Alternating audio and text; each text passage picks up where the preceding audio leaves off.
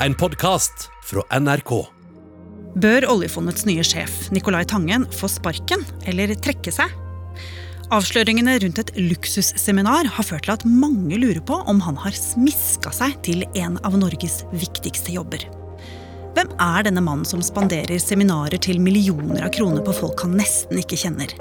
Og vil han noensinne begynne jobben som sjef for oljefondet?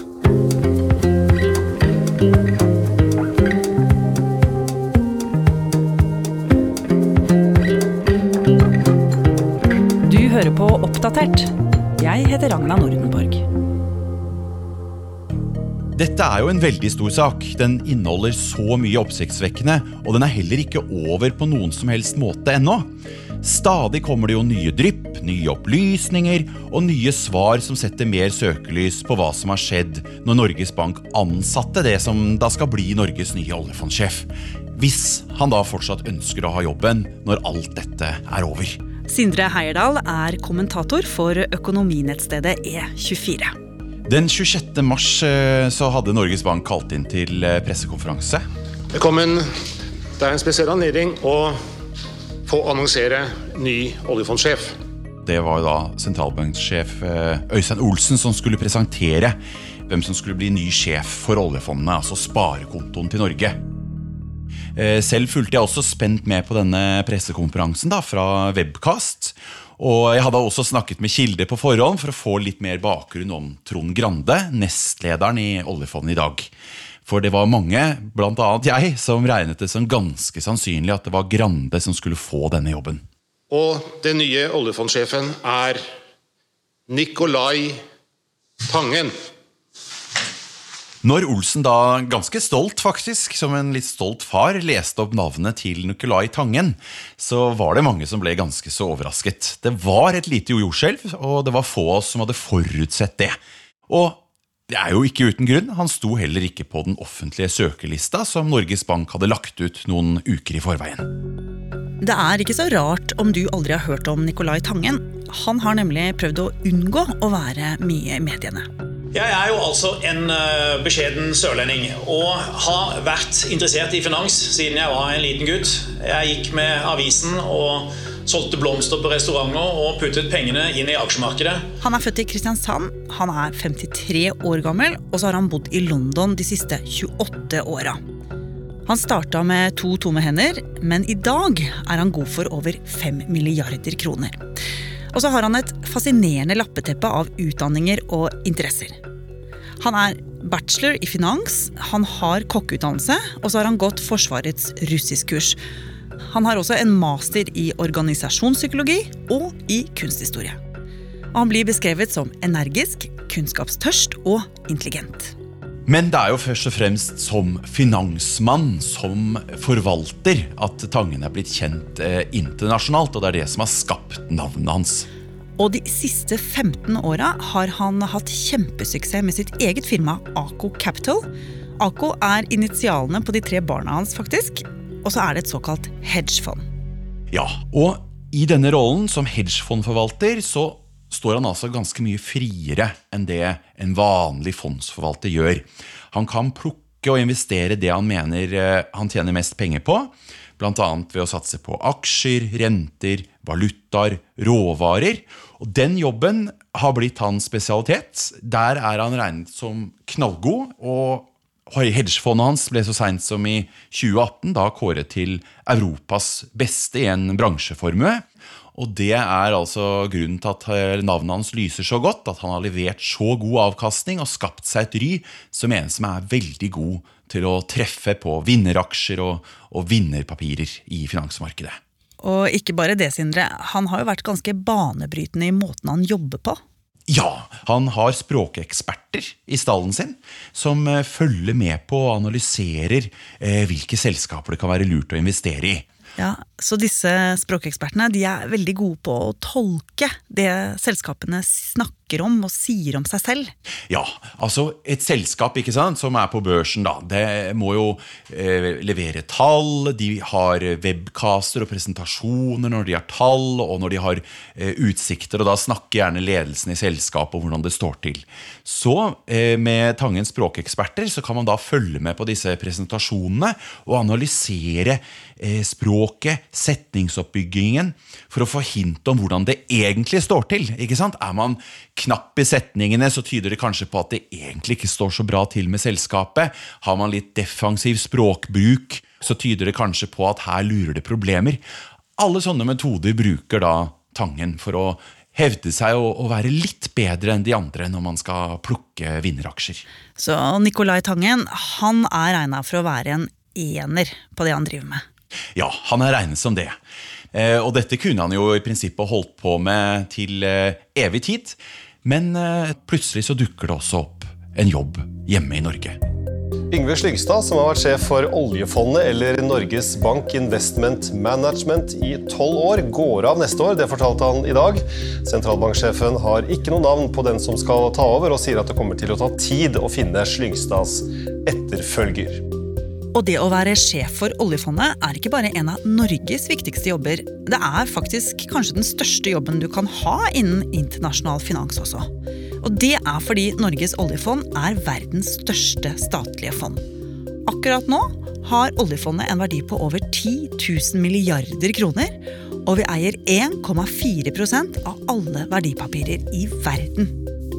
Så hvis oljefondsjefen har lyst til å møte sjefen for Tesla, Microsoft eller Apple, så er det ingen som sier nei. Men det kjedelige med denne jobben er at du ikke får bestemme så mye selv, slik man kan som hedgefondforvalter. Det er politikerne som legger føringer for hvordan du skal investere. Du er ikke kapteinen på skuta, du er heller ikke styrmannen. Du er mer maskinsjefen som skal sørge for at båten følger den kursen som politikerne og Finansdepartementet har staket ut for deg. Og derfor var det jo mange som stussa over at Nicolai Tangen faktisk ville ha denne jobben. Hvorfor skulle han gidde det? Og det ble enda mer uforståelig da vi fikk vite at Tangen har gått med på å flytte deler av den enorme formuen han har, hjem, og dermed trolig må skatte 80-100 millioner kroner til Norge i året. Men Tangen bryr seg ikke om det. Han hadde kjempelyst på jobben, han. Så dette er ikke bare drømmejobben min, dette er guttedrømmen min. Folk ble jo veldig glad da de skjønte at det var Tangen som hadde fått jobben. Ja, det kan du trygt si. Det var veldig mange som applauderte dette, og veldig mange som mente at uh, her hadde vi fått den uh, beste vi kunne få, iallfall som også har norsk pass samtidig. Men 18. april så smeller da avisen VG til med en avsløring som snur eh, denne drømmetilstanden, om du vil, litt på hodet for både Tangen og ganske mange andre samfunnstopper eh, her i landet. De snakket om ledelse av oljefondet, men dette var ikke en smøretur. Det sier påtroppende oljefondsjef etter avsløring av luksusreise til eh, USA. Det viser seg nemlig at Nicolai Tangen har flydd gjester i privatfly til USA, der han har arrangert et vanvittig luksusseminar. Folk som deltok, ble påspandert mat, drikke, fint hotell, foredrag og innlegg fra verdens fremste akademikere og forskere, og en privatkonsert med artisten Sting.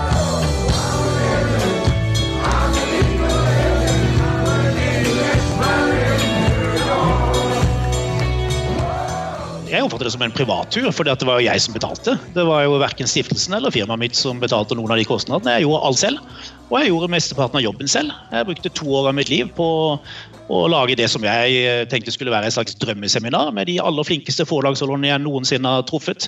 De mest interessante temaene, som jo for meg er sosialpsykologi, finans, arkitektur, kunst og den type ting. Så dette var for meg et privat arrangement. Men det var ikke luksus og sting som var problemet.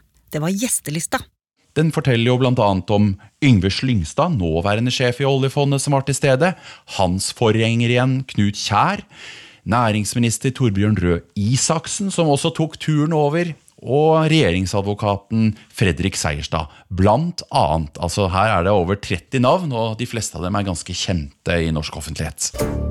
Da dette ble slått opp i VG, begynte folk å spørre seg hadde Tangen satt opp dette seminaret for å gjøre det lettere å få drømmejobben. Blant annet så hadde han jo satt opp regjeringsadvokaten som referanse da han søkte jobben.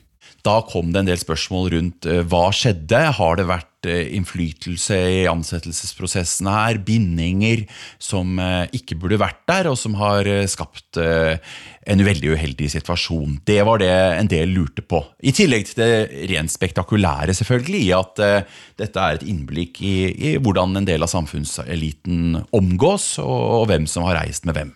Og dette var det jo veldig mange medier som begynte å undersøke.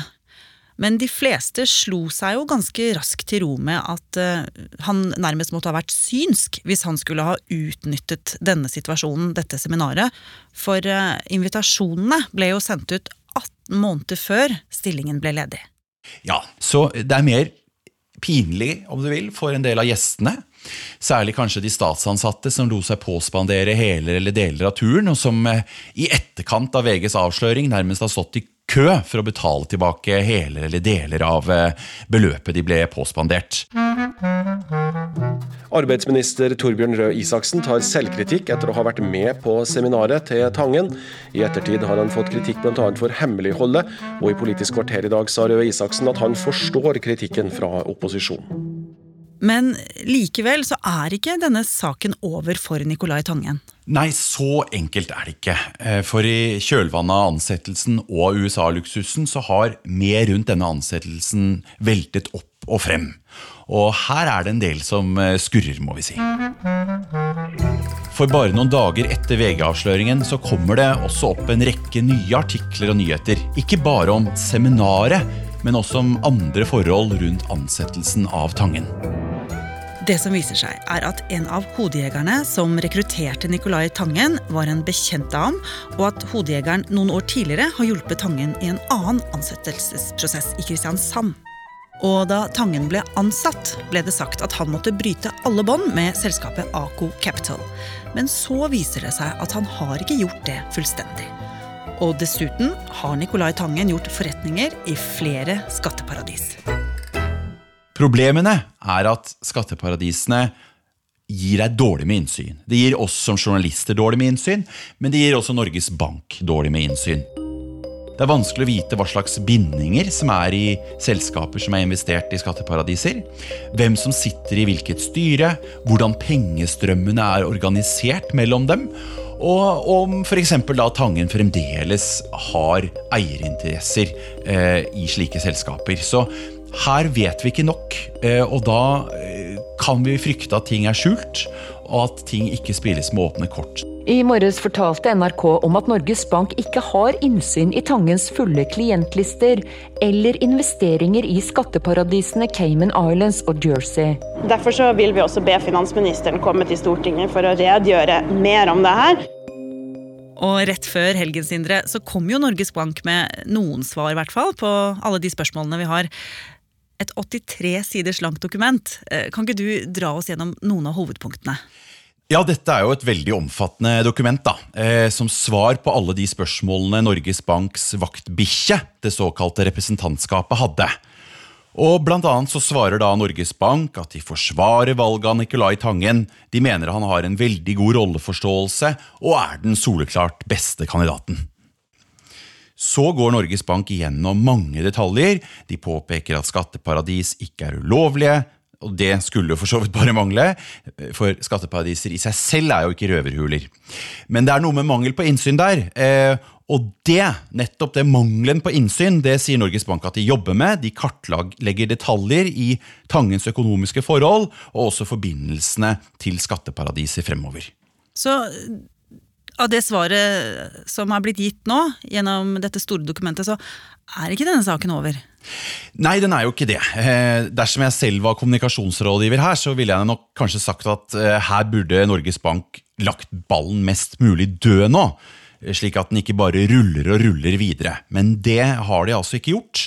Eh, så dette er en verkebyll for Norges Bank, med stadig nye spørsmål som skal få svar i tiden fremover, bl.a. den 27. Eh, mai, som Norges Bank skriver. Og med dette så sørger de jo for at det holdes et visst liv i saken fremover, og det er jo ikke akkurat heldig da, for ansettelsesprosessen. Så hvis du skal spå, Sindre, kommer Tangen til å begynne i jobben som eh, sjefen for oljefondet til høsten? Det tror jeg først og fremst er opp til Tangen selv om han fortsatt ønsker det. Veldig lite om noe av det som har kommet fram og blitt avdekket, er jo Tangens skyld. Men ansettelsesprosessen har blitt ganske rotete fordi Norges Bank ikke har eh, gjort en grundig jobb på forhånd og ikke offentliggjort eh, alt underveis. Og Tangen risikerer da at arbeidsgiver har skapt så mye støy at det blir verre enn tidligere for han å gå inn og ta over rollen som oljefondsjef.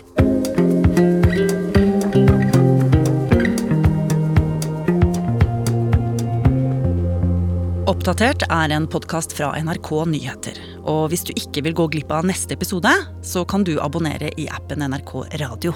Bare søk på Oppdatert, så finner du oss. Denne episoden var laget av Katrine Nybø, Petter Sommer og meg, Ragna Nordenborg. Vil du kontakte oss, gjør det på oppdatert krøllalfa nrk.no.